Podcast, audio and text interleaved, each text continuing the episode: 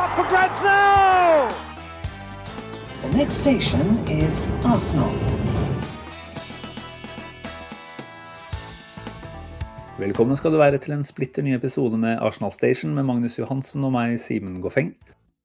Godt nyttår, happy new year og ikke minst happy new Arsenal, må vi vel kunne si. Jule- og nyttårsperioden har vært veldig fin med rød og hvit eh, trøye, og med tre strake seire så ser det plutselig ganske lyst ut nå, Magnus. Jeg må vel si at jeg tror dette her var eh, kjærkommen eh, julefred i heimen for deres del. Ja, det var jo nesten så den rødhvite delen av jula utgikk for, for, noen av oss. Jeg måtte jo ta oppdraget som mann med hvitt skjegg og, og rød lue i, på julaften, i mangel på alternativer. Og eh, jeg tenkte jo på det tidspunktet at eh, det er ikke sikkert jeg kommer til å gå så mye mer rødt og hvitt eh, denne jula her, for ting var jo veldig bekmørkt eh, foran den Chelsea-kampen. Og nå, nå, har det gått eh, tre kamper siden forrige gang vi spilte inn den Chelsea-kampen gikk veldig bra, og vi bare har klart å hente energi og momentum ut av det. Så nå, nå, nå har plutselig båten gått fra å være på åpen sjø med dønninger til å faktisk seile litt sånn uh, sakte, men sikkert inn mot uh, nye, hyggelige farvann. Så ja. det her er deilig, altså. Du er kurs er kanskje å ta litt i enn så lenge, men uh, vil i hvert fall begynne å kalle det en trend da, når det går går tre ganger på rad. Det eh, skal vel sies at eh, både Chelsea-kampen og deler av Brighton-kampen var noe tilfeldighetenes eh, spill, men, men, vi har jo tre veldig gode omganger på rappen nå, da, med andre omgang i Brighton og de to mot West Bromwich nå i kveld. Vi sitter jo her i, i aften og podder på direkten, som vi gjerne liker, når vi er på vårt mest fornøyde. Når vi liker å prate oss litt tomme etter like etter kampslutt. Um, må si at For så vidt var det tungt å ikke kunne podde etter, etter Chelsea-kampen og etter Brighton-kampen òg. For det, det, var noe med å ja, kjenne at uh, smaken på altså tre poeng bare var, den var så god. da. Vi hadde vel gått sju kamper uten en seier uh, før Chelsea. Så, så, dette her har vi for så vidt venta på nå en hel uke. Og at vi da får en 4-0-seier borte mot West Brom, da, da er det et opplegg som vi rett og slett ikke kan unngå å smashe ganske bra ned i krysset, tror jeg. Vi har jo hatt en tung høst, det må vi kunne si. Det har vært eh, sånn, Fra et fotballmessig ståsted så har det vært veldig tungt. Det har vært hver eneste Arsenal har spilt stort sett bare på søndager, ikke sant? og det ukeslutt for oss har jo vært fast å snakke om skuffelser. Eh, og nå bare banker vi inn tre på rapen. og Jeg kunne godt tenkt meg å snakke Eh, både etter Chelsea og etter, eh, etter Brighton. Men eh, vi må jo Heldigvis eh, så sitter vi her nå. Ting kan jo snu igjen, og må vi bare suge på den smør smørbåken her alt vi kan. For det, det, det, er det det handler om, å være supporter. Og vi skal jo prøve å tenke litt framover nå, selvfølgelig, i, i episoden og sånn. Men en klar oppfordring til alle som er møkk lei 2020, og som nå kan konstatere at 2021 har kommet med, med gaver. Eh, bare, bare, bare nyt. For det, det, er det det faktisk handler om. altså. Ja da, de små øyeblikkene underveis, det er jo de det er mange av. Altså, og det å feire trofé da, i beste fall på slutten av sesongen, det, det, er jo det ultimate. Men vi kan på en måte ikke unngå å eh, nyte de, de øyeblikkene som Eh, som det ikke har vært altfor mange av. Og da smaker det ekstra, ekstra godt eh, når vi får de. Eh, særlig det spillet som vi fikk servert i dag, det var jo til å bli rett og slett våryra. Det er fortsatt tidlig januar, men jeg kjenner at ja, den våryren, den, den, er ikke så langt unna. Det kribla godt i diverse kroppsdeler, både på Tinis 1-0-skåring og ikke minst på den 2-0-gålen som vi sikkert kan dypdykke litt nærmere inn i litt utover eh, praten her. Men eh, nei, fotball er ferskvare, eh, som du sa i stad. Det er en idrett hvor det var bekmørkt bare for en ukes tid siden. Og så har vi nå på en lørdag til en lørdag vunnet tre ganger, og da ser jo plutselig ganske mye annerledes ut. Vi er til og med en pluss i målprotokollen vår totalt sett. Så så Arteta har eh, omsider begynt å få litt, litt, sving på det igjen. Eh, jeg vet ikke hvor vi skal starte. Ja. Vi på en måte skal ta og prate kort om kampen, eller vi skal snakke litt mer om hvorfor eh, hvorfor eh, dette har snudd? Nei, Vi kan jo ta kort om kampen eh, først. Det er vel det de fleste eh, sitter og, og, og tenker på nå. Eh, vi har fått en, en oppvisning av Arsenal. Det, vi har, hvis vi tar med oss andre omgang i, i Brighton-kampen, så har vi nå tre gode omganger på rad. Mm. Et utfordring til lytterne når sist skjedde det. For det har ikke vi kontroll på, så vi lurer. Ja, jeg husker ikke sjøl. Det må jo være i forrige sesong en gang, kanskje. Men eh, det er, ja. det er eh, Den kampen i dag var jo rett og slett magisk å sitte og, og se på. Spesielt førsteomgangen, syns jeg. Når eh, de to måla som ble skåra da. Det var jo rett og slett en nytelse. Og ja, så vil jeg bare si, da, før vi, før vi på en måte det er lett å komme der. Det er bare West Bromwich, og de, de er jo et dårlig fotballag, har de vist stort sett en stund. Men de har for så vidt eh, henta poeng både bort mot Liverpool, mot Chelsea, mot City, mener jeg. Eh, det er Big Sam i sjefsstolen der. Eh, det er snødrev, tett type, eh, bortekamp. det er klart at det er ikke alle de omstendighetene der som gjør at vi tenker at dette er en walk in the park for, for Arsenals del. Det er vel eh, sånne type greier vi har slitt med opp gjennom åra. Så veldig, veldig positivt å se hvordan vi ja, rett og slett spilte ut tidvis eh, West Bromwich i den kampen her. Eh, så er det klart at det blir lettere og lettere når man får rom og sånt utover, men, men det som skjer i første omgangen, da. Enkeltmannsprestasjonen til Tierney og ikke minst lagmålet til Saka og Laka og Smith Roe. Det, det, det er sånn som kan gå på reprise 15-20 ganger uten at du blir lei. Ja, det var, det var eh, fotballporno eh, av høyeste sort, eh, eller ypperste sort. Det var um, litt sånn Invincibles-nivå på akkurat det målet. Uh, og den parallellen skal vi ikke dra noe lenger enn det. Men uh, det var uh, Jeg minna meg liksom om Pires og Henry, og, og det minner meg om, som du nevnte for meg, Simen, målet mot Leicester når Øzil mm. var kreatør. Det var du, Det er nesten sånn at du visste ikke at, det, at vi hadde det her inne. basert på det vi har sett i høst. Det var altså så Det var symbiose. Det var eh, symfoni og orkester og alt som måtte finnes av superlativer. Ja. Så jeg bare eh, Jeg tenker at vi så Du nevnte det, at eh, det blir lettere og lettere når du får 1 og 2-0 osv. Men vi går jo ut eh, rett i strupen på, mm. på West Bromwich, litt sånn som vi gjorde på Chelsea. Eh, og hvis du ser tilbake f.eks. på den Everton-kampen på Goodison for et par uker siden, hvor vi nærmest bare lot Everton styre, bare venta på at Everton skulle få 1-0, sånn at vi kunne reagere på det. Um, da blir det vanskelig. Uh, det, er sånn, det, er sånn, her vi må angripe kamper når vi er Arsenal, uh, som vi tross alt er. Så må vi angripe kamper på den måten her. Beirin hadde jo et skudd etter to-tre minutter, kanskje, som ja. uh, Johnson redda med, med ene foten. Um, som ved litt mer marginer kunne gått rett inn. Og da tenker du, eh, basert på det vi har fått servert i høst, at faen at ikke den satt, liksom. Fordi at du vet at uh, Det sånn var jo Brighton òg. Vi gikk for de første fem minutter der, og så var vi gode. Uh, og så bare falt vi helt ut. Um, så du tenkte jo at det her var sjansen, liksom. For vi skaper jo stort sett to sjanser per omgang, da. Uh, og når du ikke den ene sitter, så tenker du at OK, da har du én sjanse til. da, og så Hvis ikke setter den, så, skårer vi ikke. Men vi bare fortsatte å male, male, male på. Og til slutt så ble det på en måte ikke snakk om om vi skåra, det ble snakk om hvor mange vi skal skåre.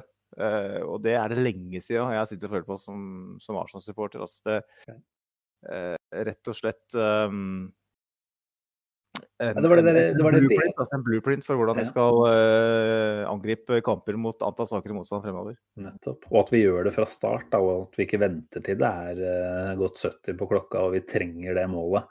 At vi tenker at uh, våre sjanser bedres av å gå ut sånn fra start, og så kanskje man i verste fall får en kontring imot. vi fikk jo en som det kunne gått verre på, hvor angrepsspilleren var det Matty Phillips eller noe sånt ble chippa gjennom der. Og det er klart, det er jo den risikoen man løper. Men, men jeg tenker jo at den vedvarenheten i måten vi angrep på, da, det var veldig gledelig. Og det er jo ikke sånn at West Brom kom til den kampen der uten noe å bevise, for de hadde akkurat ryket på en 0-5, var det vel, hjemme mot Leeds.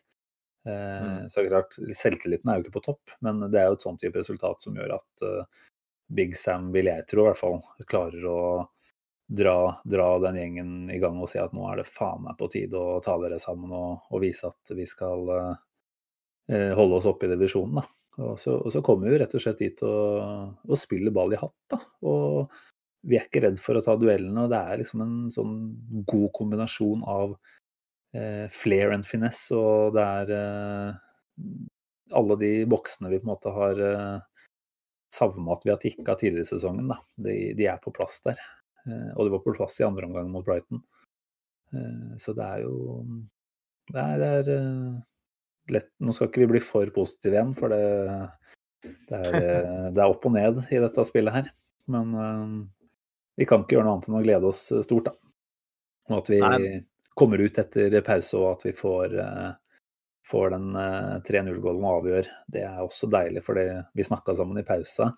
Du var ikke helt overbevist om at vi ikke kom til å få en eh, cornersmell i trynet eh, i løpet av andre omgangen der. Og det er klart, da kunne vi jo blitt litt shaky. Så, så at vi går ut og dreper kampen og, og rett og slett uh, koser oss da, mot slutten, det, det, er det lenge siden. Det var jo det var et kjempeskremmeskudd tidlig om gangen. Etter, det var jo før to minutter var spilt, så satt jo ballen i, i, i målet bak Leno der. Og da, da reiste jeg meg opp på stua og trampa litt i gulvet og sa at jeg faen ikke spilt mer enn to minutter, eller det er det 2-1 allerede. Det, snøen laver ned, og Sam Allardyce har fått gutta til å reagere. Det her kan mm. bli vanskelig. Uh, heldigvis så var det en ganske klar offside, og mm. vi uh, Etter kanskje Det gikk noen minutter til òg, hvor West Bromwich uh, hadde bra overtak, og hvor det var litt, litt ubehagelig. Men med en gang jeg fikk det tredje, så så var det ikke noe tvil. Eh, og da gikk vi faktisk for det fjerde, og vi gikk for det femte òg, for så vidt. Eh, selv om vi ikke fikk det. Så det, er jo det er godt å se at Arsenal er litt offensiv i huet sånn sett, da, og ikke hviler på laurbæra. Det er jo det som har vært trenden under Ariteta. Egentlig Får vi 1 eller 2-0, så er det bare å, sette ti mann bak ballen og mhm. heade unna. Eh, det har vi vært gode på, faktisk. da, Det skal sies. Mm. Men uh, hvor, jeg vet ikke når sist vi vant med fire mål i en fotballkamp. Det var kanskje den Fulham-kampen uh, under Emry, uh, bortekampen. Um, hvor, vi sang, hvor folk sang Nei da, vi, vant 4-0 mot Newcastle under Arteta. Faktisk. Ja, stemmer ikke, at, ikke at det var noen 4-0-kamp, men jeg husker. For det var vel en sånn hvor vi kontra inn to på slutten der, f.eks. Og Newcastle hadde gode sjanser, men men eh, det er ikke noe vi er bortskjemt med, nei. Det er det ikke. Nei, og det var jo i godt gammel Arsenal-ånd, så var det jo gjerne sånne resultater vi fikk. Eh, det var kanskje først og fremst på hjemmebane, men uh, i peak years så var det jo borte. Og det er så, det er så deilig å se den uh, energien og gleden de unge spillere har. da. Eh, mm. Bare jage et til. Og du ser òg en, en Aubameyang som er veldig frustrert, ja, men han han er så gira på å få det målet sitt, liksom. Og det, det er problemet vårt. Det er på en måte problemstillinga. Hvordan skal vi få Aubameyang til å skåre et mål sånn at det blir 5-0 der?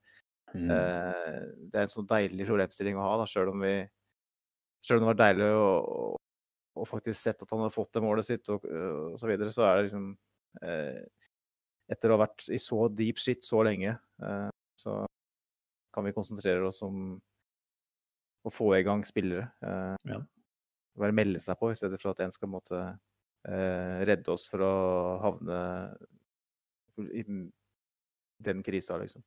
Ja.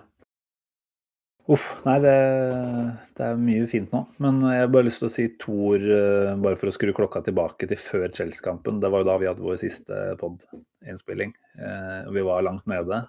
Du kanskje enda litt lenger nede enn meg, i kjent stil. Eh, og vi var vel ganske enige om at det var eh, sånn at tida begynte å gå veldig mot uh, Arteta. Du ga han Ikke at vi skal si at du har tapt det den gjetninga vår der. men Du ga den vel ut uh, februar. Tenkte han skulle få fyken i løpet av den. Og jeg tenkte for så vidt litt lenger. Uh, men jeg var vel ganske tydelig da på at uh, det allerede i Chelsea-kampen ville være ganske tydelig for meg om det laget her hadde noe interesse av å ha Arteta som trener framover. For jeg var kjempespent på hva vi kom til å få se sånn innstillingsmessig da, fra start. Og jeg må også si Mot Chelsea så gikk vi jo veldig bra ut fra start. og Det var mye som tyda på at, eh, at, Arteta da klarte å eh, ja, ta de riktige valgene både eh, startelvermessig og i tillegg eh, fikk han til å liksom, motivere opp spillerne. da. Eh, jeg må si at det beroliga meg der, selv om jeg vil jo si at vi tidvis levde farlig i den kampen også. Eh, så, så, var det noe med å se hva laget på en måte var interessert i der, og det var å spille for treneren sin, fikk jeg inntrykk av i hvert fall. Eh, når vi da fikk resultatet med oss der og nå har gått to til, så, så vil jeg våge å påstå at eh, Arteta sitter ganske trygt, altså. Selv om han skulle gå på et par kjipe tap plutselig. Ja, altså det er jo eh, mekanismene i den moderne fotballen at um, uavhengig nærmest om du er rett mann på sikt, hvis du på en måte ikke klarer å, å snu en sånn negativ trend, uh, så, så, vil du på en måte få fyken bare for å nærmest redde klubben fra å havne så langt unna målsetningen som, som det er mulig å komme. Da. Og jeg sa jo, bare for, å, bare for, å, rette litt på det, så sa jeg at jeg tror ikke Ariteta er Arsenal-manager 1.2. Det var det du sa. Og, og jeg, jeg, sa jo det fordi at jeg jeg klarte ikke helt på det tidspunktet å se hvor det, hvor det skulle snu. Eh, jeg ønsker jo veldig sterkt at Arteta skal være Arsenal-manager. Jeg har trua på han på sikt. Jeg, han, eh, jeg føler han er den av de klubben som har en, en, ledende rolle, hvor vi virkelig kan si at han ønsker det samme som oss. Eh, han har ingen skjult agenda. Han, han er en som virkelig ønsker å, å skape. Et vinnerlag. og han har de rette har det rette utgangspunktet. Uh, men jeg, bare, jeg klarte liksom ikke å se hvor det skulle snu. for den, Hvilken kamp, hvilke kamp var det som var før uh, Var det Everton som var før uh, Chelsea-kampen?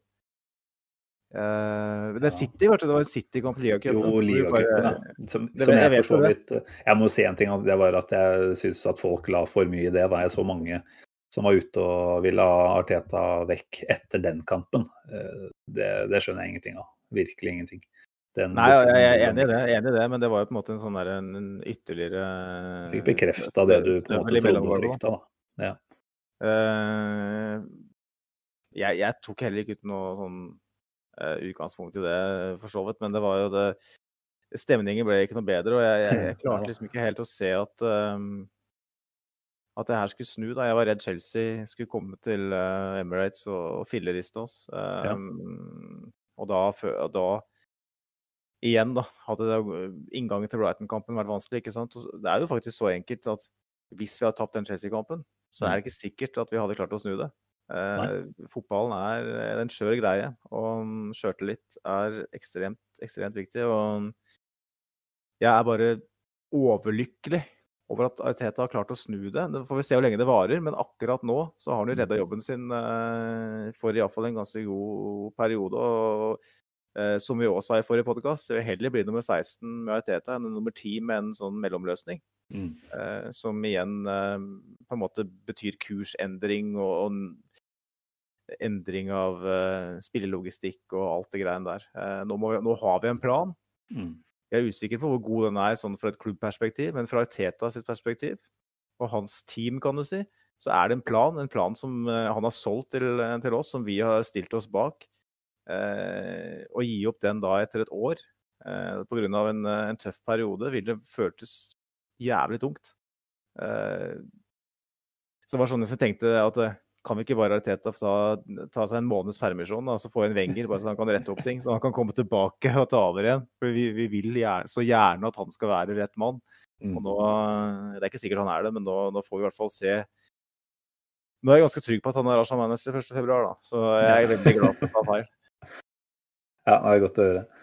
Men jeg syns vi må prate, eller prøve i hvert fall å prate litt om uh, hvorfor det snudde. Altså, det er jo på en måte innstilling og sånt, men vi kommer vel ikke utenom at eh, altså, det skjedde et par endringer i lagoppstillingen her eh, i tillegg. Eh, Martinelli var jo tilbake mot City, og han var vel kanskje innom før den tid òg. Han var vel ja, han var innpå mot Everton selvfølgelig, og hadde jo et friskt eh, innhopp der.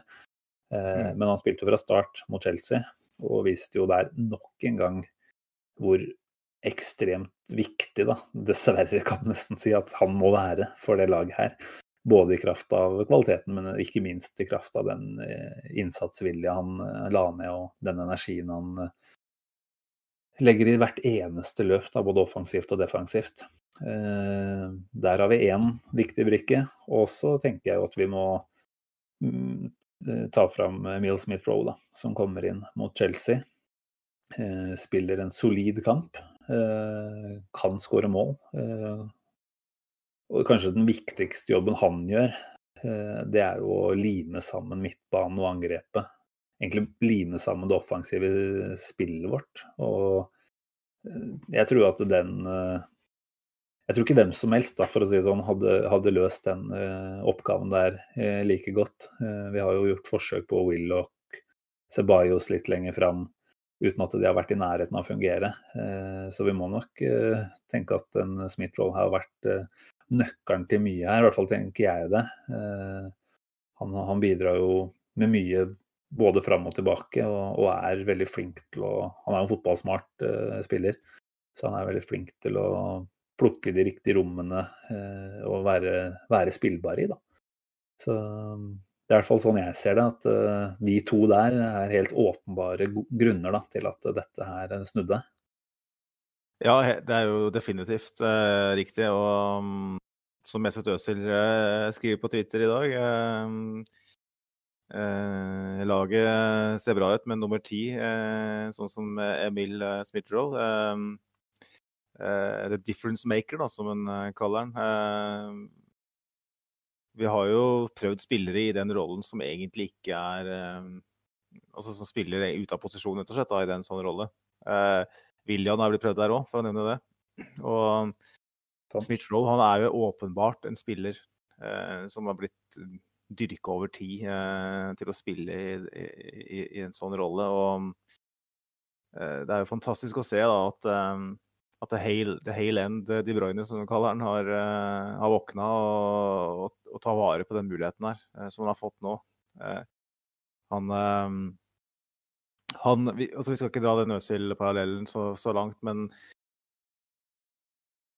for alt det negative som kommer om Øzil og hans sosiale medieaktivitet, også må det nevnes at Smith-Joe har vært ute og skrytt hemningsløst av han, og hvor mye han lærer han på trening osv. Nå, nå får han den her fra læremesteren på sosiale medier med er det 15 millioner mm. følgere eller noe sånt. Eh, 25 faktisk. Eh, bare for en ytterligere boost for eh, Smith Roe, eh, som nå er eh, forhåpentligvis nær et, et gjennombrudd. Eh, det er veldig tidlig, men det er, det, det, er, han og det er Gabriel Martinelli. Og det som du nevnte, og det er Bukayo Saka, som jeg føler har tatt enda et steg ut til høyre der. Han har løst mm. den høyre floka vår, hvor vi har mm. hatt to uh, spillere som har spilt spesielt. Én som mislykkes totalt i William, og en PP som virker å være uh, for det første ikke i planene til manageren på sikt, og for det andre ikke er nærheten å være stabil nok i prestasjonene til å kunne gi oss på en måte en sånn slags uh, spilleovertak i de fleste kamper. da. Bukayo Saka han har både den kalde økonomiske delen av spillet sitt, hvor han tar nøkterne valg når det er behov for det, men som òg har Eh, øye for det killerpasningen. Han går på de løpa. Han, han, han utgjør den forskjellen da, når det er mulig å gjøre. Og har rett og slett tatt eh, spillet sitt til et nytt nivå ute til høyre. Eh, og linker opp med Smith Roe på en måte som det er nesten kaller det rørende. For de to var i dag, da, iallfall, i i første omgangen, de som sto bak sammen med Lacassette spillemønster og det som gjorde at vi, vi klarte å få tempo i angrepsspillet. Eh, som gjorde at vi rett og slett fikk eh, West Bromwich til å se ut som eh, et championship-lag. Så det er, det er energien, eh, friskt mot fra unge spillere som ønsker å, å bevise noe. Ikke bare for eh, manageren, men også for alle. For, eh, det her er deres scene nå. Eh, det er på en scene de ikke har vært før.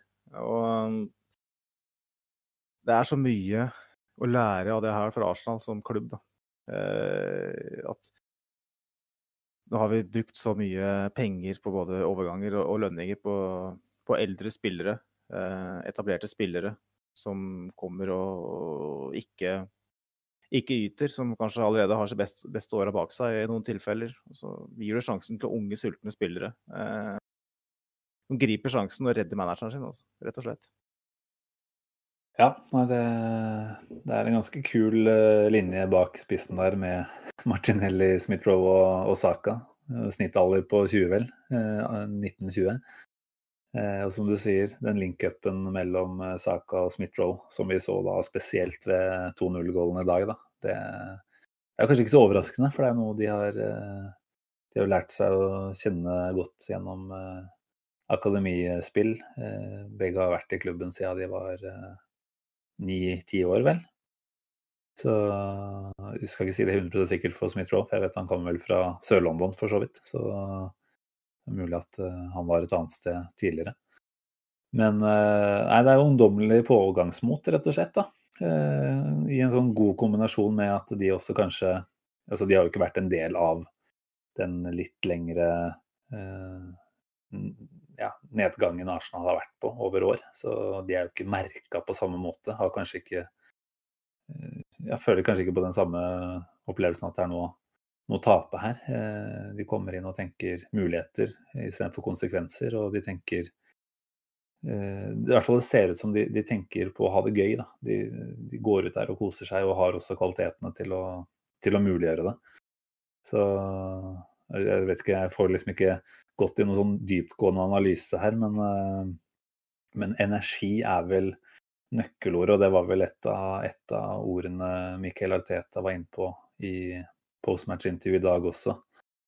Og Det er så tydelig stor forskjell. Da. og Jeg har ikke lyst til å bruke den poden her til å snakke ned andre, men, men, det er ikke noe tvil da, om at det er en helt annen energi. Og så kan du selvfølgelig si at det kan handle litt om at dette er uthvilte spillere i større grad. Eh, eller Saka vil jeg kanskje ikke gå så langt å si der, for han har vel spilt det meste. Men, eh, men det er i hvert fall en, eh, en, helt annen glød. Og når det da begynner å flyte bra framover og det går godt, da, da, er det jo noe som avler enda mer spilleglede og selvtillit. Så plutselig så er vi i en positiv spiral, da.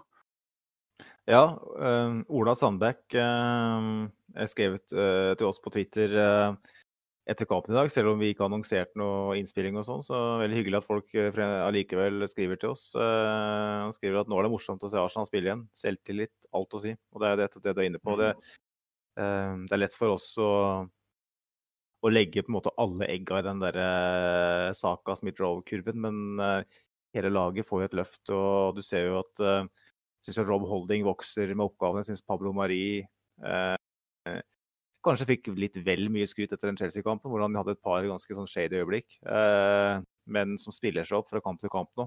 Mm. At klar progresjon i de tre kampene han har spilt. Og han er jo tross alt bare en backup-spiller. Det er jo eh, åpenbart at Gabriel skal inn i den posisjonen igjen. når han er, mm. som jeg om måneden spiller åtte måneder på rad eller noe sånt.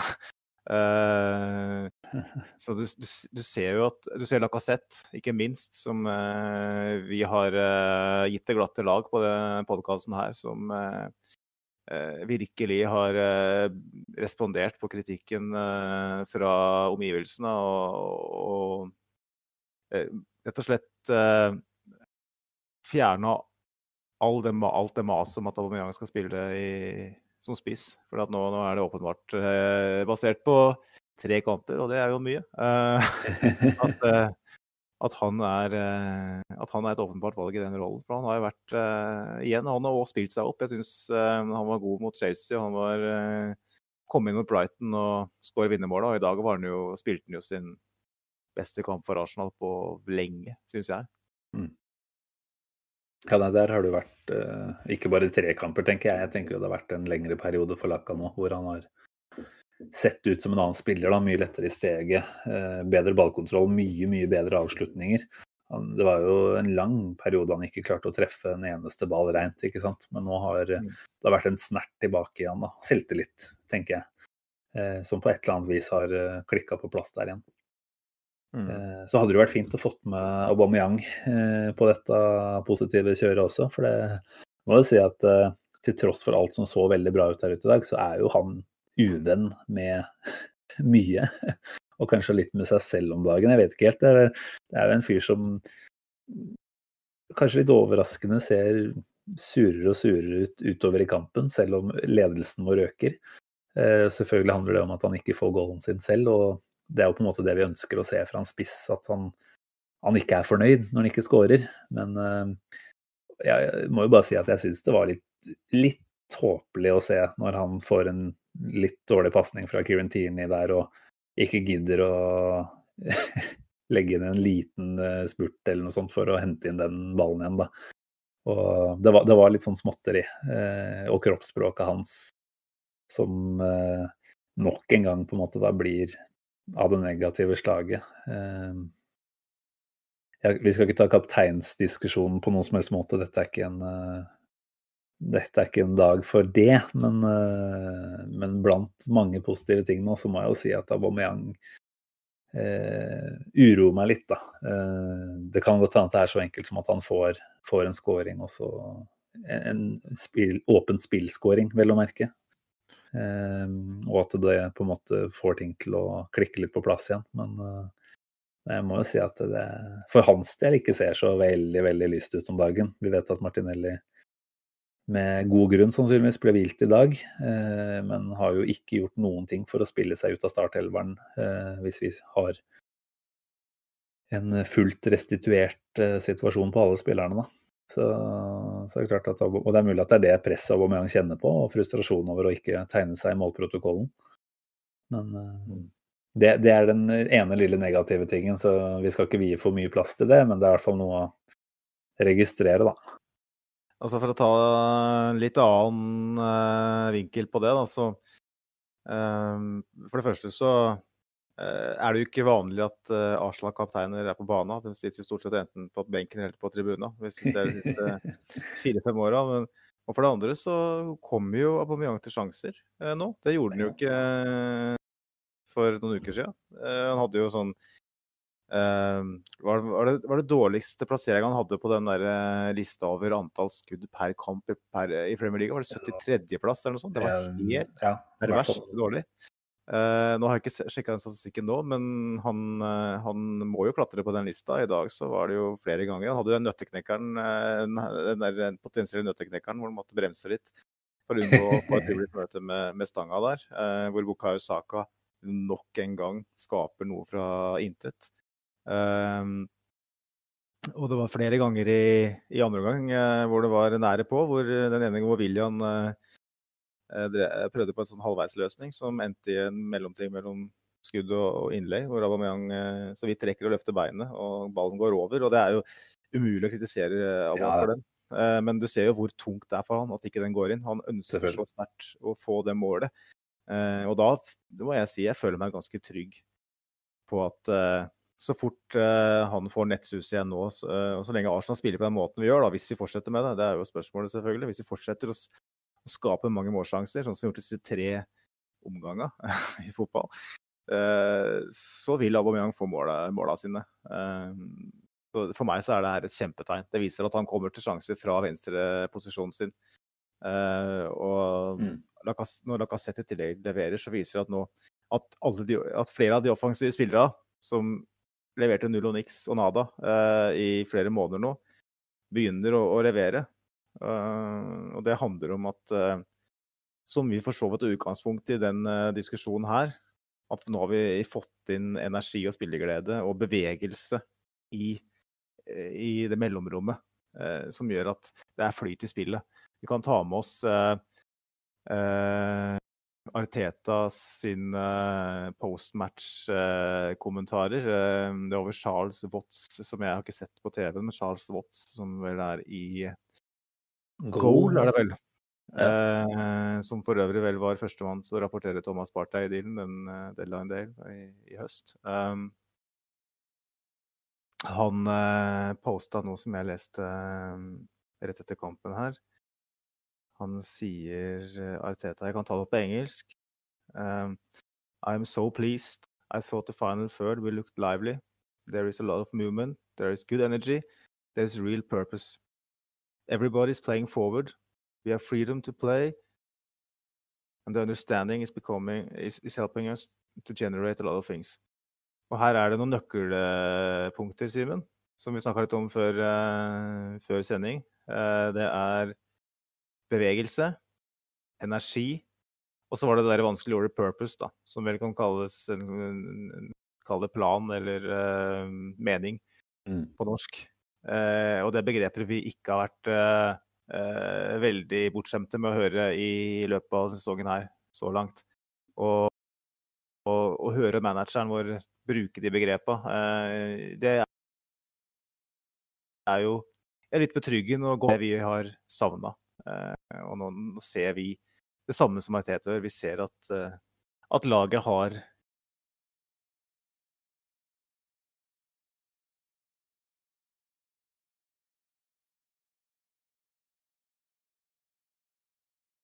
den energi eh,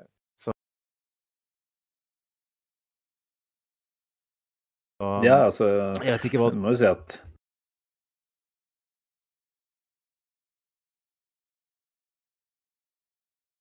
Noen av de postmatch-intervjuene var selv bekymring, kanskje, fordi det har vært eh,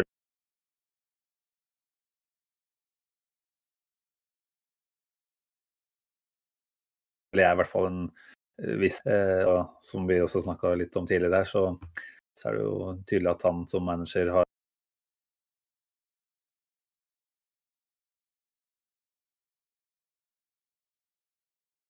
et visst ansvar for å ikke Så støtter jeg han jo 100% og det er deilig å se at han registrerer de, de tingene der. Og det skulle jo bare mangle, for det er jo en langt, langt uh, mer fotballkyndig person enn en vi noen gang kommer til å være.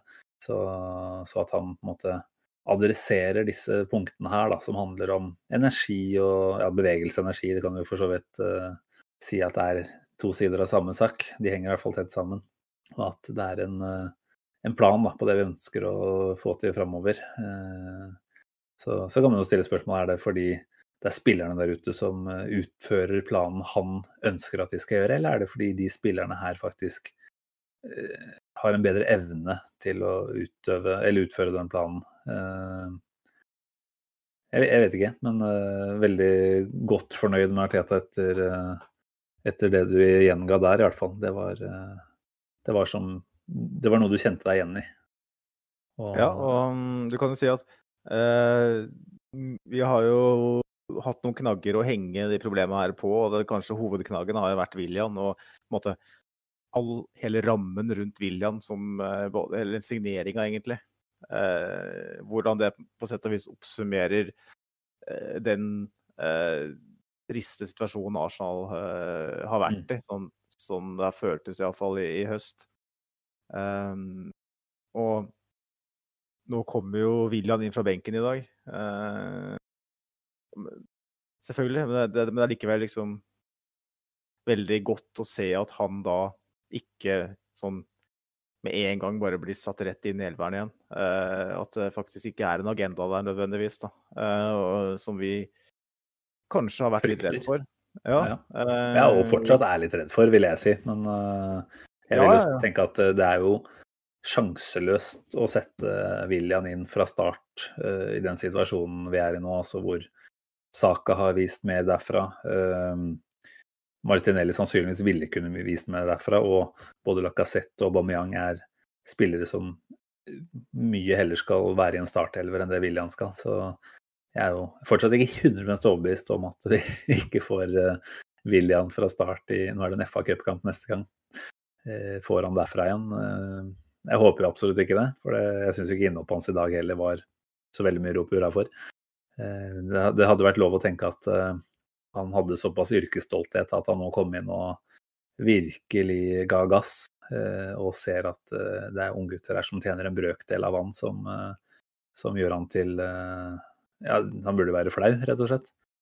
Men det, det, gjenstår å se. Men dette er jo, så lenge noen presterer, et mindre problem, da. Når, når det er andre spillere der som faktisk gjør at vi vi får den produksjonen framover som vi ønsker. Ja, vi får bare håpe at uh, at, uh, at hva skal jeg si, at prestasjonene til de unge spillere setter litt press på de, på, på de som er kall det i William-klassen. Han er jo kanskje i sin egen klasse, men uh, jeg syns jo tross alt Vi må vise at vi heller ikke er en agendadrevet uh, podkast. Um, jeg syns William kommer inn i dag og er det er klart det er enklere, men jeg syns han er bedre i dag enn han stort sett har vært. Han fikk et skudd på mål i dag, og det, det, er jo like mange som han hadde på de siste 14 ja. kampene sammen. Og han har servert et par brukbare innlegg og viser jo at han har, har litt kvaliteter. Hvis, hvis, han ikke våkner av det her, altså hvis, ikke, altså hvis det er slik at han nå havner i den posisjonen at han er et andre, kanskje i verste fall tredjevalg på, på høyresida. Eh, hvis han da ikke prøver å jobbe seg ut fra det, så da, da er det jo bare å eh, finne en eller annen måte å kvitte seg med fyren på. Eh, men eh, det er veldig positivt. Eh, jeg tenker jo at vi er i en posisjon nå hvor, hvor, det er noen spillere som presterer litt. det blir spennende å se hvordan PP, William, David Louise, som sitter på benken igjen i dag, eh, og kanskje nå er tredje-fjerdevalg på stoffeplass. Hvordan, hvordan responderer spillere eh, mm. på det her eh, resten av sesongen? For vi trenger dem, åpenbart. Vi trenger å bruke stallen vår når vi skal spille i Europaligaen og sånn igjen. Så det er, det er veldig spennende tid som kommer nå. Helt klart.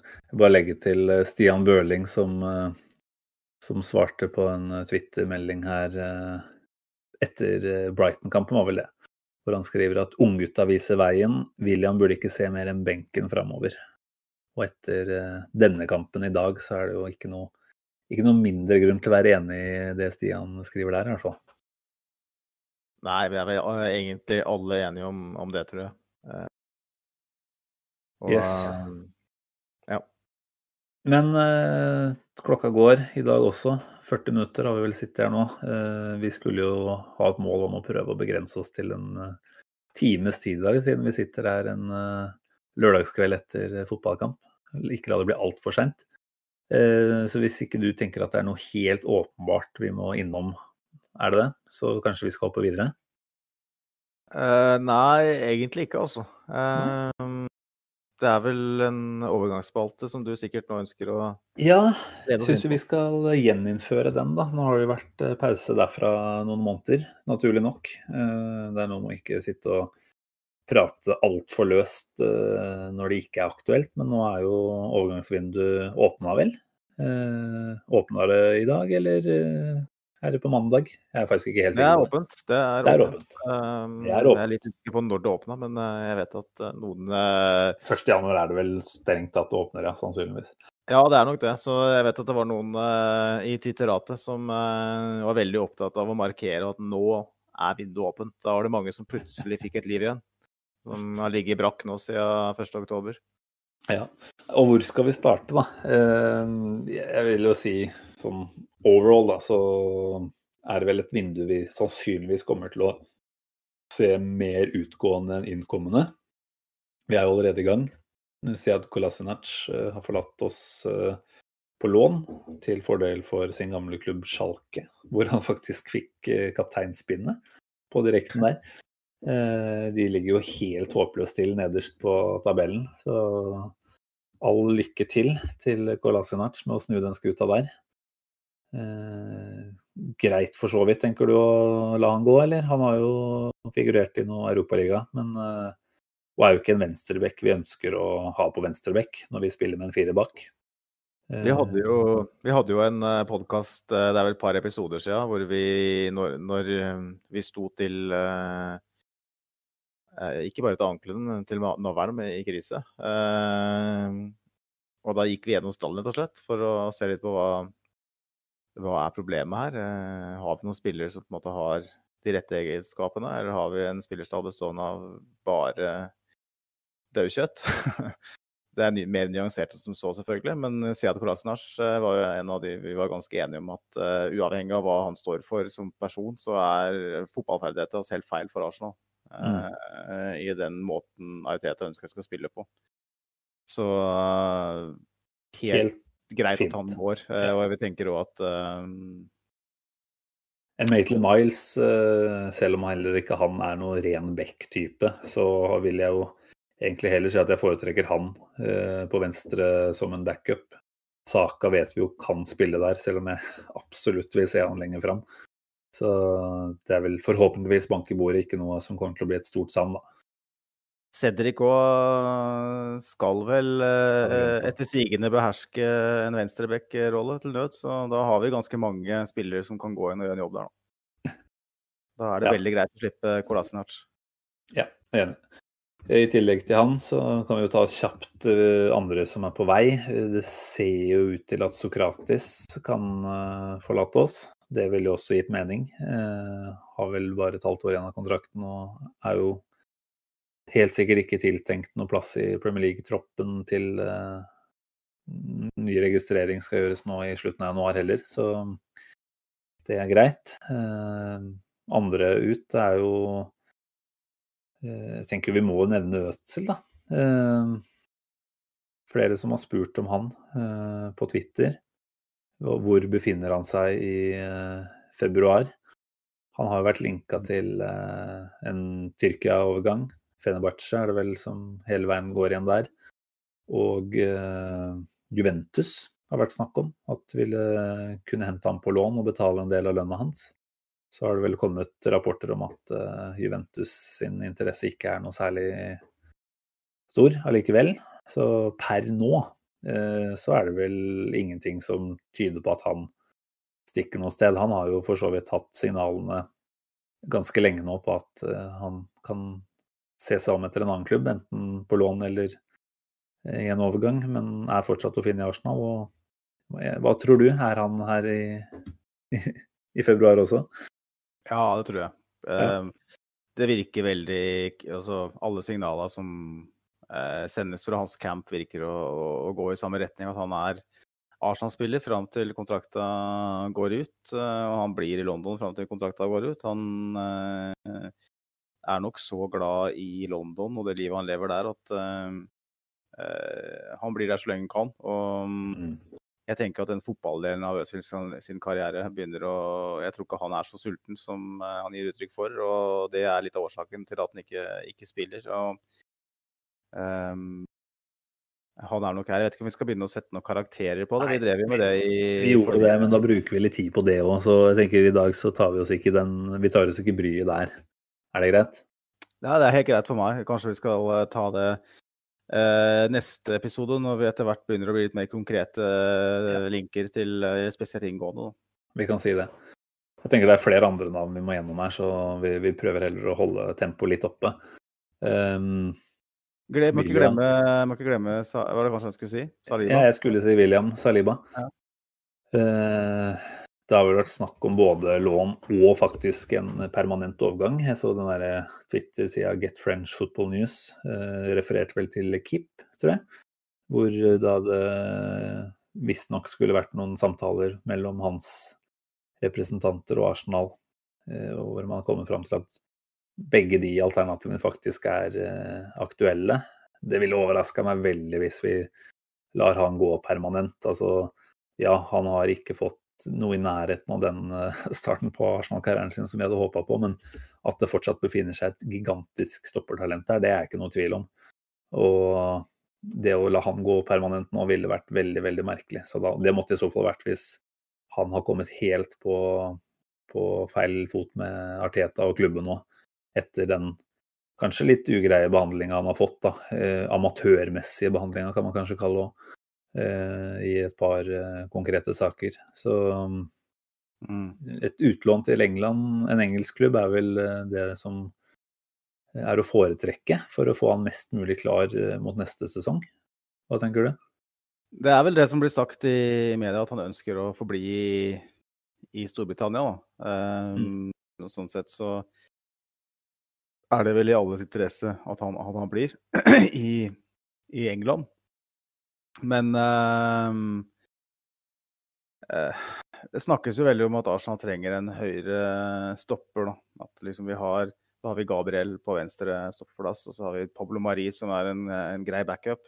Mm. På høyre stoppeplass har vi mange spillere, men det er ingen som peker seg ut som en sånn uh, førstevalg på sikt. Uh, og så, sitt, og så, er det liksom snakk om at vi skal, når vi har uh, 150 stopper i stallen, så skal vi gå ut og hente enda en stopper. selv om selvfølgelig mange er på vei ut, så er det rart at ikke William Saliba mm. i det minste skulle få en sjanse i en ligacupkamp. Eller, nå er det jo Kolasinac ut, kanskje kanskje en eller to til, for alt vi vet. Uh, Reece Nelson er jo en som er nevnt. Uh, blir det en plass i, i, en tropp her som Saliba kan, uh, kan, ta? Hvorfor kan ikke han få prøve seg, da? det er veldig vanskelig å skjønne. Det er ingen som skjønner det, egentlig. det er noen som har sett noen reservelegskamper som sier at at Saliba er uferdig og sånn, men han spilte jo i, på toppnivå i Frankrike i fjor og, og, og føråret. Og var veldig, altså det er jo OK i fjor, men faktisk for to år siden var veldig god. Mm. Så at han ikke er klar, det når, når, du på en måte gir typer som uh, Mustafi i minutter, uh, som er på vei ut Som, som aldri har vært klar? Nettopp. Hvorfor kan ikke. Kan ikke Og Alex Runarsson, da, bare for å ta en helt annen, et annet eksempel, her, en som helt åpenbart ikke er god nok for å spille i Arsenal. Altså, han kan ikke være andrekeeper i Arsenal, han. Selvfølgelig kan han ikke det. Eh, han får jo lov til å koste oss baklengsmål. Eh, han kommer rett fra league eh, og en dårligere klubb hvor han ikke engang spilte noe særlig. Og greit nok at ikke han har blitt dytta inn i Premier League, men han har i hvert fall fått lov til å spille og oppta en ganske viktig plass i, sånn, med tanke på at han ikke er homegrown. Da. Så, mm. ja, det er noen rare vurderinger som er blitt gjort der, og jeg kan forstå hvis Saliba og crewet hans er eh, misfornøyd med situasjonen. Da. Eh, det er selvfølgelig ikke bare Arsenal sin feil, men jeg tror at Arsenal skulle ha vært eh, litt dyktigere på et par vurderinger der. Hvem som har gjort den store feilen er vel litt usikkert, men at du kanskje ikke har vært helt heldig med registreringspapirene, for å si det sånn. Eh, kan i hvert fall være en sterkt medvirkende årsak, tror jeg. Eh, ja, så skal vi selvfølgelig unnskylde han litt med tanke på at han kom til et litt rotete kontorbord eh, på sommeren der. Ja, så er det den derre såkalte kulturendringa som skulle skje, da, og hvor, hvor, vi har to unge franske spillere som blir ansett som to av de beste i sin generasjon i et en fotballnasjon som produserer verdensstjerner på løpende bånd i Saliba og Gendosi, og begge blir på en måte bare fryst ut. Uh, at, uh, jeg vet ikke, altså Med Gendosi sin uh, del så er det jo ganske tydelig at det er oppførsel det handler om, men det, det, begynner jo å danne seg et bilde om at det må være det samme med, med Saliba òg. Jeg, jeg, er jo redd for at, at det her ikke går veien, og at han blir solgt. Mm. Ja. Til sommeren. Eh, ja, han går nok på et lån nå, eh, det tror jeg. Og så ja. får vi bare se. Eh, den sommeren 20, 2019 den er jo en skandale helt uten like med PP. Og ja, den ser jo sånn ut nå i ettertid. Den gjør det. Og ikke minst blir sommeren 2021 ekstremt interessant. Der kommer det til å skje mye. Det er jeg ganske sikker på. Men greit. Er det andre vi tenker er på vei ut? Du nevnte Reece Nelson. Det gir jo veldig mening å få han av gårde på et lån. Nå har vi jo savna han i mange tropper de siste ukene, men uh, Arteta snakka jo om han før West Bromwich-kampen og sa at det har vært en skadeutfordring der, som han burde ha kommunisert litt tidligere, kanskje, for å unngå spekulasjoner. Men, uh, men han Kevin Campbell, gammel Arsenal-spiller, Eh, nevnte vel både Reece Nelson og var det Joe Willoch som potensielle låneavganger nå i januar. Da. Så, mm.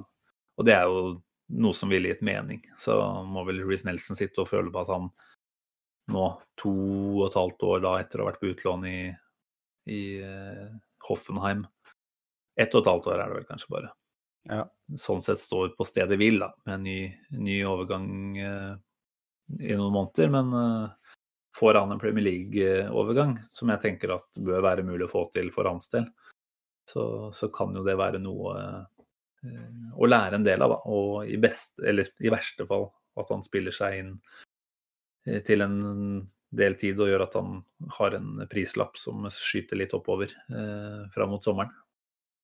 Ja, absolutt. Eh, det er det muligheter for. eh, Og det kan jo hende at, eh, at eh, klubben allerede eh, er i, i, i ferd med å ferdigstille noe der, sånn sett, og at de ikke tar noen sjanser. Mm. Um, Når det gjelder Joe Willoch, så, så virker det som det er litt mer usikkert. For han, han, han er jo inne og spiller nesten i hver kamp. Ja.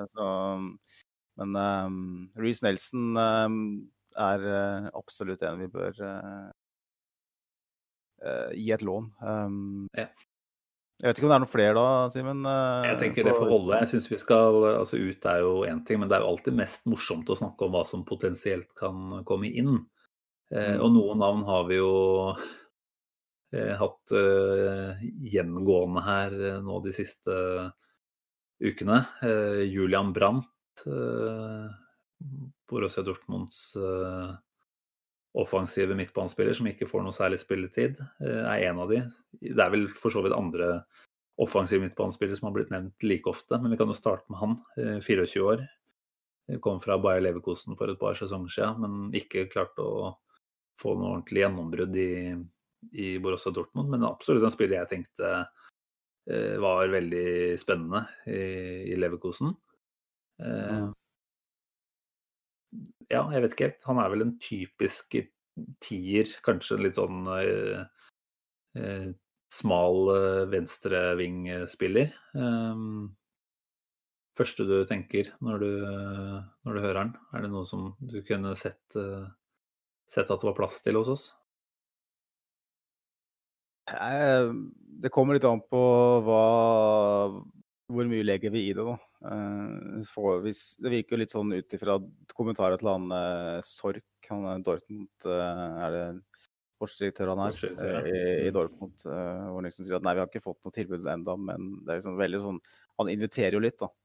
Mm. Så til en, en hyggelig pris, så Han er 24, så det er jo, det er jo ikke noe skandale om, om det ikke går helt veien. Um, men jeg er litt småskeptisk. Han, han har vel ikke den som har, hva skal jeg si, ja, det sånne åpenbare sånn Premier League-evner, eh, eller tempo og fysikk og sånt. Um, ser jo at de klassiske tiera stadig vekk eh, får større problemer. eh, ikke bare i Premier League, for så vidt.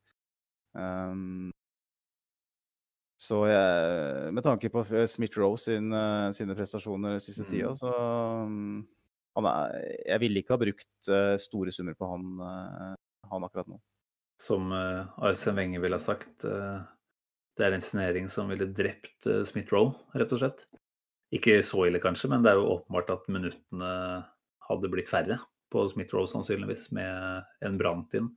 Så jeg heller eh, Jeg ser at transfermarkt har han på hele 35 millioner euro eh, i markedsverdi. Det er jo en usaklig pengesum å bruke på en som ikke da kommer inn og er noe sånn helt åpenbart løft.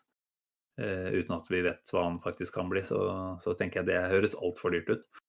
Eh, Andre offensive midtbanespillere som har vært nevnt, du må nevne han eh, Buendia fra Norwich, som leverte ganske mye bra egentlig i Premier League i fjor, når han var oppe der. Men han har vel fortsatt produksjonen sjansemessig nå i championship, og er vel en eh, spennende spillertype.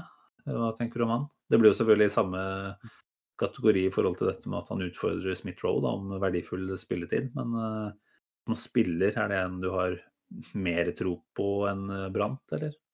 Ja, definitivt. Uh, Bundia har prestert i Premier League. Han hadde vel sju målgivende for uh, Norwich i fjor, som rykka ned. Og er vel den som har skapt flest sjanser i championship så langt, iallfall. I hvert fall per, uh, for et par dager siden, uh, når jeg sjekka det sist.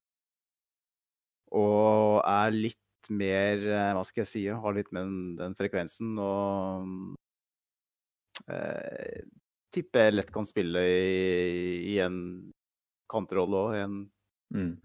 Eh, kontra en, en Brann som kanskje bør, heller bør spille mer sentralt, basert på det jeg har sett. da. Um, som kanskje kunne spilt sammen med Smith-Roe til og med, eh, sånn sett. eh, Og det er jo ikke sånn Smith-Roe skal spille hvert eneste minutt heller, selvfølgelig. Så, så at han skal ha en, en byrde som deles med andre, det er jo bare bra. Ja, ja. Spørsmålet er hvor gammel er han godeste Bundia er vel blitt? Han er ikke 25-26. Jo, jeg tror ikke han er eldre, ikke eldre enn 26 i hvert fall. Nei da, men samtidig så Aldersprofilen blir jo samtidig liksom skal, et- Norwich ligger jo an til eh, å kjempe om opprykk igjen, og den kommer til å kreve ganske, ganske bra sum. For han, han er 24, faktisk, så det tok litt feil. ja, Eh, han ble 24 år i desember, så sånn sett så kan vi kanskje ta tilbake det, da. Eh, og um, vi er ikke vi, ikke, vi lever ikke av uh, overgangsmarkedet lenger, Simen, selv om vi gjorde det før når vi jobba i media. Så når vi satt og spydde ut trans transferrykter på en desk. Men eh, det er iallfall en aldersprofil jeg tenker er bra. da. 24 år, eh, har Premier League-erfaring, eh, vil ikke koste gigasummer. Eh, hadde den vært 26-27, så hadde det vært helt annerledes.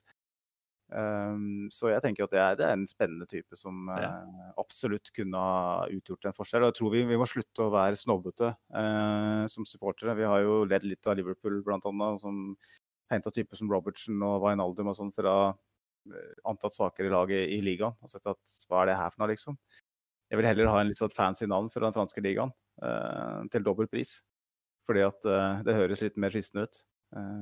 Av og til så kan det lønne seg å hente noen som har spilt på, på det nivået her, som, som vet hva det handler om. Og Som ikke minst føler at de kanskje har eh, enda mer de ønsker å bevise. Nettopp, nettopp. Kommer fra, fra et Norwich, ikke sant. Da har du virkelig noe å bevise. Og Norwich er et lag som spiller skapende offensiv fotball. Eh, så absolutt eh, langt mer positivt til han enn til eh, Julian Brandt.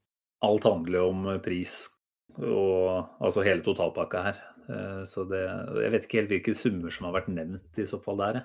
Men jeg kan jo som du sier se for meg at det ikke blir billig nødvendigvis. For det er klart at eh, Norwich har jo en fallskjerm etter nedrykk. Og ligger jo også godt an til opprykk, så de vil jo ikke selge han billig. Eh, Så det blir spennende å se hva som skjer. AOA-ryktene de har vel egentlig dødd ut en del, har de ikke det? Etter, etter sommeren.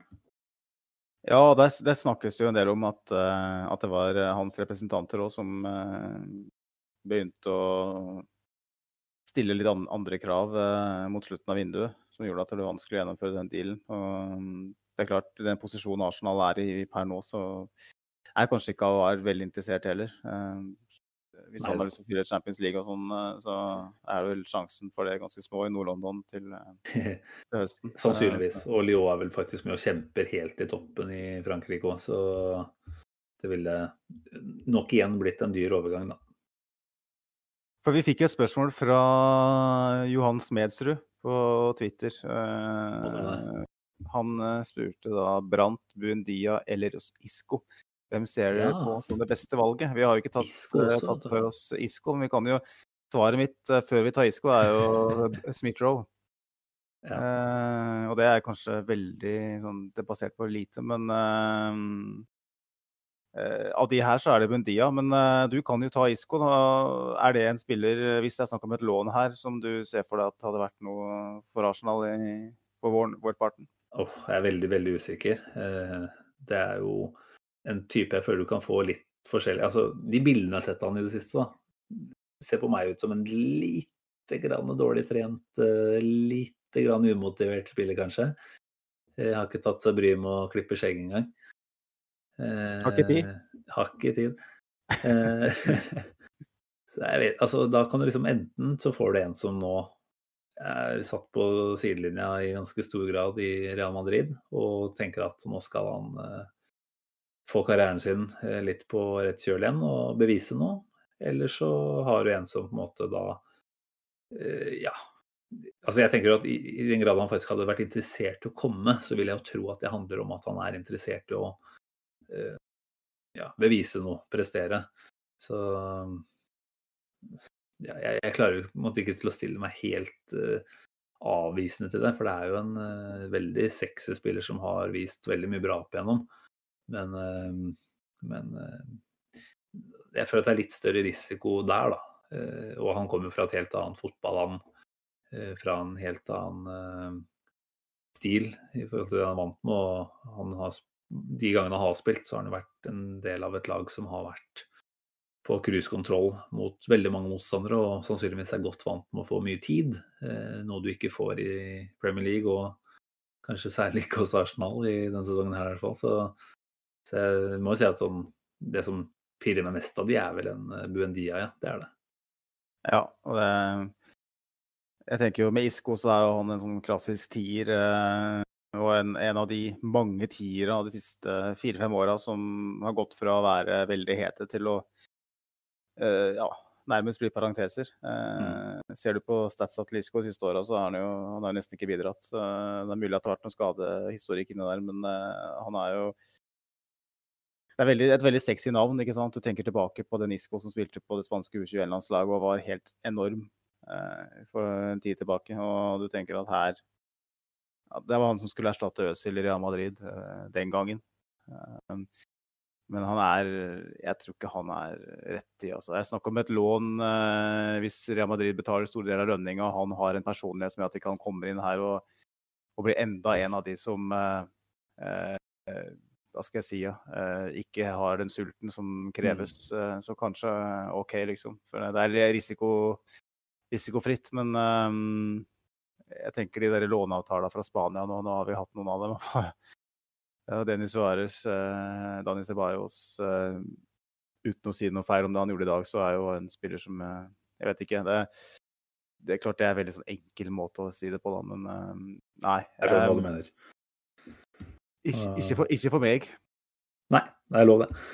Um, greit nok. Mange offensive, spennende navn. Uh, men som du nevner, Smith-Roll er kanskje det mest spennende. Så det er jo veldig fristende å se hvor langt han eventuelt kan ta dette her, da. Han er jo på en fryktelig god medgangsbølge nå, i hvert fall. Så én uh, ting er å støte på noen uh, bumper i veien fordi han er en ungkar, men det er klart det å da oppleve at uh, denne, uh, disse prestasjonene på en måte skulle si da, blir belønna i hermetegn med å hente inn en ny konkurrent, uh, direkte konkurrent i posisjonen hans, det, det, er jo ikke noe tillitserklæring som han ville vokst på det heller, tror jeg. Så nei, jeg håper for så vidt at vi Spørsmålet er hvor godt forspent vi er, om vi skulle se en total formsvikt på Smith-Roe eller skade, da, i verste fall.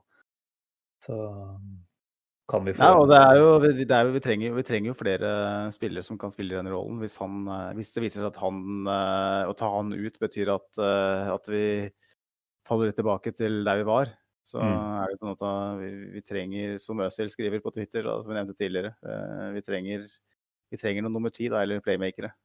Mm.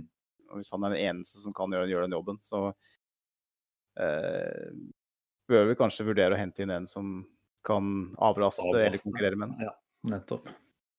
Ja, nei, det, det, er mange av Vi får uh, komme tilbake til uh, det her i neste runde. Uh, når det sikkert er flere navn som har meldt seg som aktuelle. Um, etter Brighton-kampen så stilte vi jo ja, spørsmålet da, hva, hva, folk så for seg overganger. Sivert Eriksen skriver da på Twitter at han etter det jeg så i dag, Yves Bizuma, takk, hadde jo en ny god kamp mot oss, og har jo vært god nå i halvannen sesong, egentlig. Eh, ganske sikker på at han er 2-23 år, eh, vel, bare. Har jo vært sjef på Brightons midtbane siden han kom inn, og er jo en fyr man kunne sett for seg at hadde utfylt en Thomas Partey ganske godt, da. Hva tenker du om den mannen? Nei, jeg har jo sett uh, en god del Brighton uh, i år, og um, for så vidt i fjor òg. Jeg, jeg syns jo han uh, utmerker seg veldig positivt. og en, en, en, type som har den frekvensen, den ballvinneregenskap og stayerevne og ikke minst stabilitet da, til å, å, spille i Premier League. Og Brighton er et spillende lag. Han, han er en god ballspiller òg, sjøl om han kanskje ikke er eksepsjonell. Men det, det trenger ikke alle å være. Um, sammen med Thomas Partey kan absolutt funke. Jeg, jeg, jeg, jeg føler jo kanskje at, uh, at Thomas Partey er veldig direkte i, i, stilen. Kanskje trenger vi en, en bedre utgave enn Granit Xhaka. Uh, sånn sett da. Uh, en som har enda bedre ballegenskaper enn Bizuma. Men jeg hadde ikke lagt meg ned og Greni hvis han hadde signert. Også. Det virker som en en veldig god spiller, og som vi nevnte for noen minutter siden, å hente spillere som har, Mm. har erfaring fra Premier League, som har noe å bevise. Som har lyst være- på det steget opp da, i Premier League. Jeg tenker at uh, det, er, det er veldig enkelt å tenke sånn, men altså uh, Kommer du fra en middelhavsfarer og er en av deres beste spillere og får plass på en, uh, et opplag, da, da tar du både nivået og du er også sannsynligvis der at du har lyst til å, å vise for alle at jeg tar det nivået. Mens har du spilt for Chelsea i mange år og gjort jobben bra der, og får tilbud om en to-treårskontrakt i Arsenal, da, da sier du ja takk, men kjenner ikke at du har så veldig mye å bevise. Så, så det er ikke sånn at uh, man skal la seg lure av uh, klubbtilhørighet. Uh, så mye heller en eh, spiller fra Brighton, Southampton enn Chelsea i disse dager. Ja, det var jo snakk om eh, Diego Costa og sånn her. eh, tror jeg, En som har vært til Chelsea, og som er i rette aldersgruppa, som har til og med litt brasilianske aner. Så ja, som du sier, det, vi må eh, se mer i den retningen der. Og Bizuma, det, det ser jeg ikke nei takk til. Nei. Nei, spennende sak. Eh, er det noen andre navn? Jeg vet at han eh, Sevilla-midtbanespilleren eh, Juan Jordan, eh, 26 år gammel sentral midtbane, var jo linka vel faktisk når han var i Eibar, tror jeg han spilte. Um, vet ikke så veldig mye om hvordan han har gjort det siden overgangen til Sevilla, men uh, navnet hans har i dukka opp litt nå siste tida. Så det er jo et annet uh, alternativ. Kanskje en enda litt mer ballsikker type. Jeg tror han er en sånn ja, typisk dypliggende, kanskje litt sånn box to box-spiller, men eh, jeg skal ikke påberope meg å kunne altfor mye om han. Nei, ikke jeg heller. Uh, han har blitt nevnt uh, tidligere, som du sier. Han ble nevnt i sommer òg.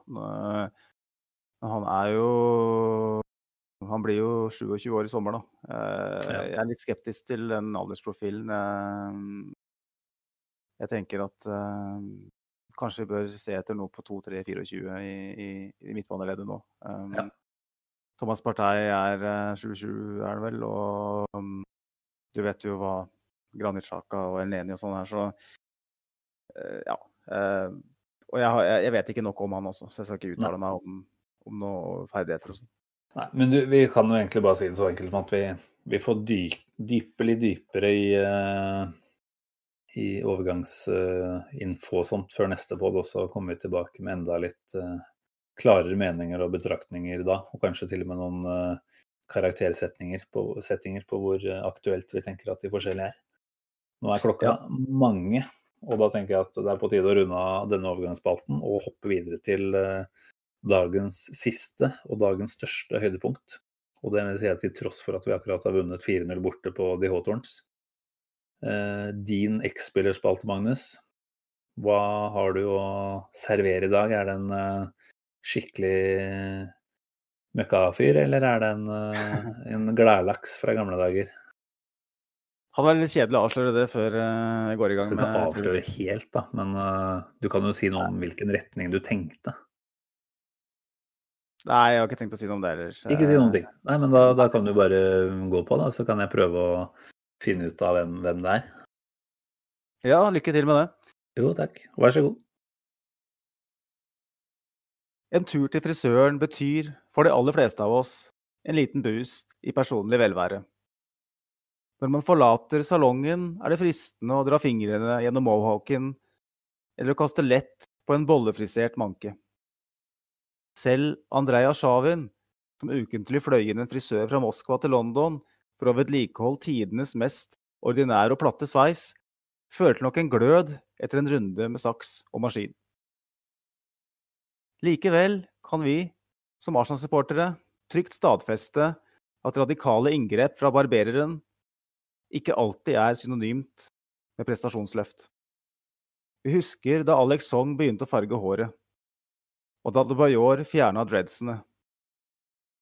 Aller best husker vi Fredrik Jungbergs fatale avskjed med den røde stripa som ga oss så mye glede.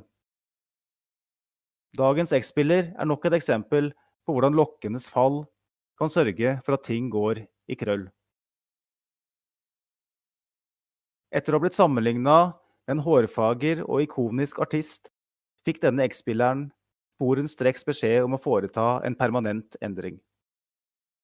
Det krusete håret måtte vike til fordel for en mer anonym frisyre som passa selskapets profil. Og dette knapt før han rakk å sparke en ball i den rødhvite skjorta. Det minner litt om da Barcelona ba Zlatan kjøre golf til og fra trening. Det kunne ikke gå. Vår mann var forut for sin tid og søkte et jetset-liv i like stor grad som en karriere som fotballspiller. Det var ikke forenlig med budsjettsveis og den konservative engelske fotballen. Og det gjorde det ikke enklere da manageren som signerte ham, fikk sparken samme dag som han skulle debutere for klubben. Kaoset som oppsto, hjalp ikke vår mann, som hadde nok av kaos også på hjemmebane. Etter å ha ankommet med store forventninger med en fortid i verdens kanskje mest anerkjente fotballakademi, var fallhøyden stor. Én fattig scoring på skarve 39 kamper ble beholdningen. Han var på ingen måte den nye managerens kopp te, og fikk aldri vist sitt sanne potensial.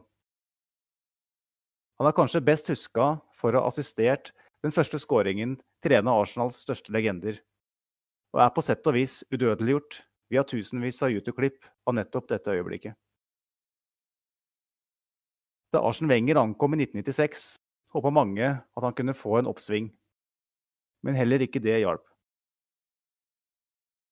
Da The Athletics' Amy Lawrence nylig spurte ham om hvorfor Arsenal-karrieren ble en skuffelse, svarte kantspilleren følgende. Det er veldig enkelt å svare på. Årsaken er meg. Jeg levde ikke som en proff fotballspiller bør gjøre. Jeg røyka og drakk. Jeg var dum. Jeg dukka opp i en BMW 8-serie da Tony Adams kom med sin Ford Fiesta. Etter tre år med sjøfling og shotting i Soho ble dagens X-spiller solgt til Nack Breda. Festen fortsatte her. Ajax-produktet var stadig mer interessert i livet utafor banen. Kasinoene i London hadde gitt inspirasjon, og et liv i rødt og hvitt ble erstatta med et liv i rødt og svart. Som seg hør og bør havna kula litt for ofte på feil farge, og den tidligere Arsenal-spilleren gambla seg nesten fra både gård og grunn. Så langt gikk det at han forsøkte å ende sine dager. Selv om fotballkarrieren fortsatte på lite spektakulært vis, vant han heldigvis sin viktigste kamp. Opphold i Kina og Ungarn samt spill i lavere divisjoner i Nederland føltes nok som en befrielse etter en svært tøff periode på privaten. Livet etter karrieren har dog vært mer spektakulært igjen. Med pokerspilling, trommeslageri og standup-komedie blant inntektskildene. Vår mann lar seg neppe stagge igjen, selv om et ryggende hårfeste gjør det umulig å gjenerobre rollen som fotballens Lionel Richie. Bruce Rioch hadde nok gjort lurt å la Glenn Helder beholde krøllene. Glenn Helder, Magnus. Det er faktisk en fyr jeg gjetta riktig eh, fram eh, ganske tidlig i den her. Jeg vet ikke om det var eh, Jeg skjønte jo ganske kjapt hvilket eh, tidsperiode vi var inne i her. Og 39 igjen. Jeg mener at kanskje at jeg har vært inne og lest om det i forbindelse med disse selvmordsgreiene han var ute og snakka om for en stund tilbake. Og at det var der jeg registrerte det. Men uh, nok en uh, slags parentes da, i den uh, stolte Arsenal-historien. Men kult at du, drar fram han. Hva var det som gjorde at du fikk, fikk lyst til å skrive om Glenn Helder? Jeg vet ikke, det bare dukka opp i huet mitt. Glenn Helder var jo en av mine første favorittspillere. Av en eller annen merkelig grunn. Jeg vet ikke hvorfor. Men, Nei, det merkelig hadde med 11 på ryggen og løp litt på kanten der. og Det var jo når jeg var veldig ung og begynte å forelske meg dypt og inderlig i Arsenal. Da. Eh, mm. Eh, så da likte jeg Glenn Heller. Eh, litt eksotisk? Det er litt sånn når du ikke har noe særlig Ja, men det er det det handler om. ikke sant? Når han hadde Lionel Richie-sveis da, og så litt sånn kul ut og hip ut, så falt, falt lokkene, som jeg, som jeg, sa. Og da eh, forsvant eh, gunsten. Og det var en annen nederlender som etter hvert ble min favorittspiller, eh, som fikk gleden av å sette inn den assisten eh, fra Glenn Helder, Dennis Bergkamp. Mm. Så en merkelig, merkelig type. Jeg hørte på den podkasten til Athletic når han ble intervjua av Amy Lawrence og James McNichols og sånn. og Livet hans er jo virkelig en reise, og det er en av de spillerne som har Det er mange X-spillere som eh, Det er litt lite, lite, å si om, da. Eh, fordi at de kanskje ikke har spilt så mye for Arsenal, og i tillegg ikke har så mye spennende å snakke om utafor banen heller. Men Glenn Helder har jo så mye rundt seg da, som gjør at det er litt artig å Eh, og interessant, og det er litt tragisk òg, får jeg si. Og... Ja ja, definitivt. Hadde han blitt trommis eller noe sånt også, eller? Ja, Holdt han på med noen trommeslagergreier? Ja, han er uh, trommis uh, i sånn jazzband. Ah. Det driver han med fortsatt uh. Så det er jo en av de minst dramatiske tinga. Men det var vel jo, sånn, og standup-komikk og sånn som kanskje ikke var helt midt i blinken. Nei, Eh, han hadde vel for så vidt best forutsetninger for å gjøre det bra på fotballbanen, og siden han ikke helt uh, tok den muligheten med begge hender. Han sa vel at han var den eneste uh, av den batchen av Ajax-spillere som slo gjennom på den tida, som ikke hadde en stor karriere. Da. Han var jo mm. ansett som den beste venstrekanten uh, i sin generasjon i Ajax, samtidig som Mark Overmars var der. Så det sier litt om potensialet. Ja. Ja, det hender, det hender at det går litt i huet på en hvis det blir for mye opphøyning av seg sjæl for tidlig. Mm. Nei, men kult eh, valg, Magnus. Jeg lurer på om det var mange som, eh, som knekte den her eh, kjapt, eller om de, de måtte vente til avsløringa på slutten. Jeg håper i hvert fall at, at, mange så for seg hårsveiser i starten. Jeg tenkte, det ja, det var mange. Og det var jo Gervinho og mye rart som kom kom fram her av gode Arsenal-sveisminner. Men nydelig, nydelig. Eh, jeg syns vi skal begynne å tenke på runda her for denne gang. Ta kort to ord om hvordan det ser ut framover nå. Nå er det vel faktisk en hel ukes fotballfri fram til FA Cup-kamp mot Newcastle. Så jeg lurer på om vi i hvert fall drøyer den til eh, etter det. Så fremt ikke vi treffer bullseye med en, eh, en, av de gjestene vi prøver å hanke inn. Vi får se litt hva som skjer utover uka. Um, så er det jo et par Premier League-kamper eh, ganske kjapt igjen etter, etter, det, da. Med hjemme mot Palace og hjemme mot Newcastle. Så det skal bli nok å nok fotball å prate om framover. Men uh, akkurat enn så lenge så, så, lar vi det kanskje være til i hvert fall etter, uh, etter FA-cupkampen, vel. Ja, jeg tenker det. Um, nå gjelder det bare å følge litt med på overgangsmarkedet og glede seg over, over det vi har Sutte vært gjennom. Sutte skikkelig godt på den karamellen her. Mm, det vi fortjener vi, alle sammen. Så kommer det jo Eh, for Premier League-kamper tett som haglen etter hvert, så da vil vi jo være på oftere. Eh, med Newcastle eh, i Nei, vel Crystal Palace først, det ikke ligaen, så Newcastle. Hjemmekamper begge to, så det, forhåpentligvis så kan vi sitte her og, glede oss over flere triumfer. Og forhåpentligvis så har vi teknikk som samarbeider òg. Vi hadde jo hatt noen utfordringer her nå etter eh, et par tidligere kamper som gjør at eh, nei, innspillinger har blitt litt forskjøvet og sånt. Så, så lenge teknikken står oss bi, så skal vi love en ny pod om ikke så altfor lenge, i hvert fall. Ja, vi er jo radioamatører, tross alt. Og med trykk på amatører, så eh, vi, vi, vi, vi, lærer på jobb, litt sånn som Mikkel Arteta. Så vi, skal, vi lover å snu den negative trenden. i sånn Nei, nei. Vi lover ingenting. Mikkel Arteta har nok langt bedre mulighet for å snu, snu ting enn det vi har. Her, eh, her er vel ca. det jevne, labre nivået vi kan love å servere framover, tror du ikke det? Jeg har ikke lyst til å love noe mer enn det, i hvert fall. Jeg føler kanskje at Mikkel Arteta har litt vanskeligere arbeidsoppgaver enn oss. Eh, så jeg håper jo på en måte at vi tross eh, amatørmessig nivå kan klare å snu den trenden der. Ja. Jeg håper i hvert fall vi blidgjør eh, noen fellow Gunners med, med litt fotballprat. kult å høre at folk har savna oss nå noen dager. Det er flere som har vært inne og nevnt det, så det, det, setter vi veldig pris på.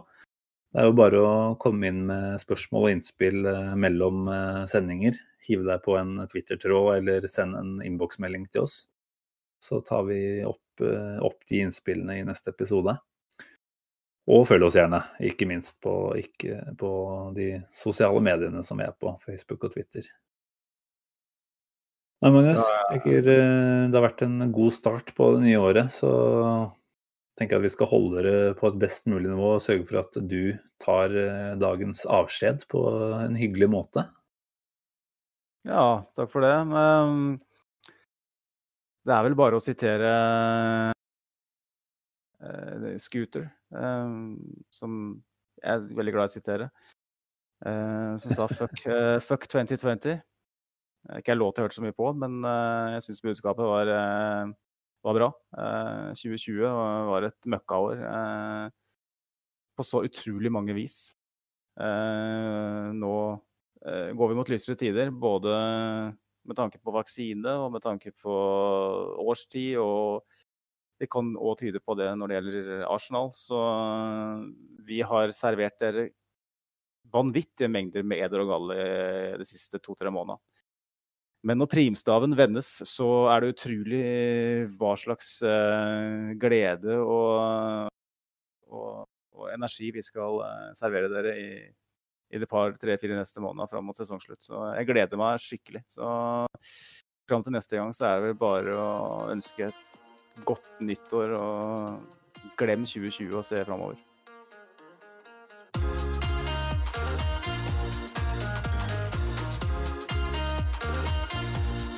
This train terminates here.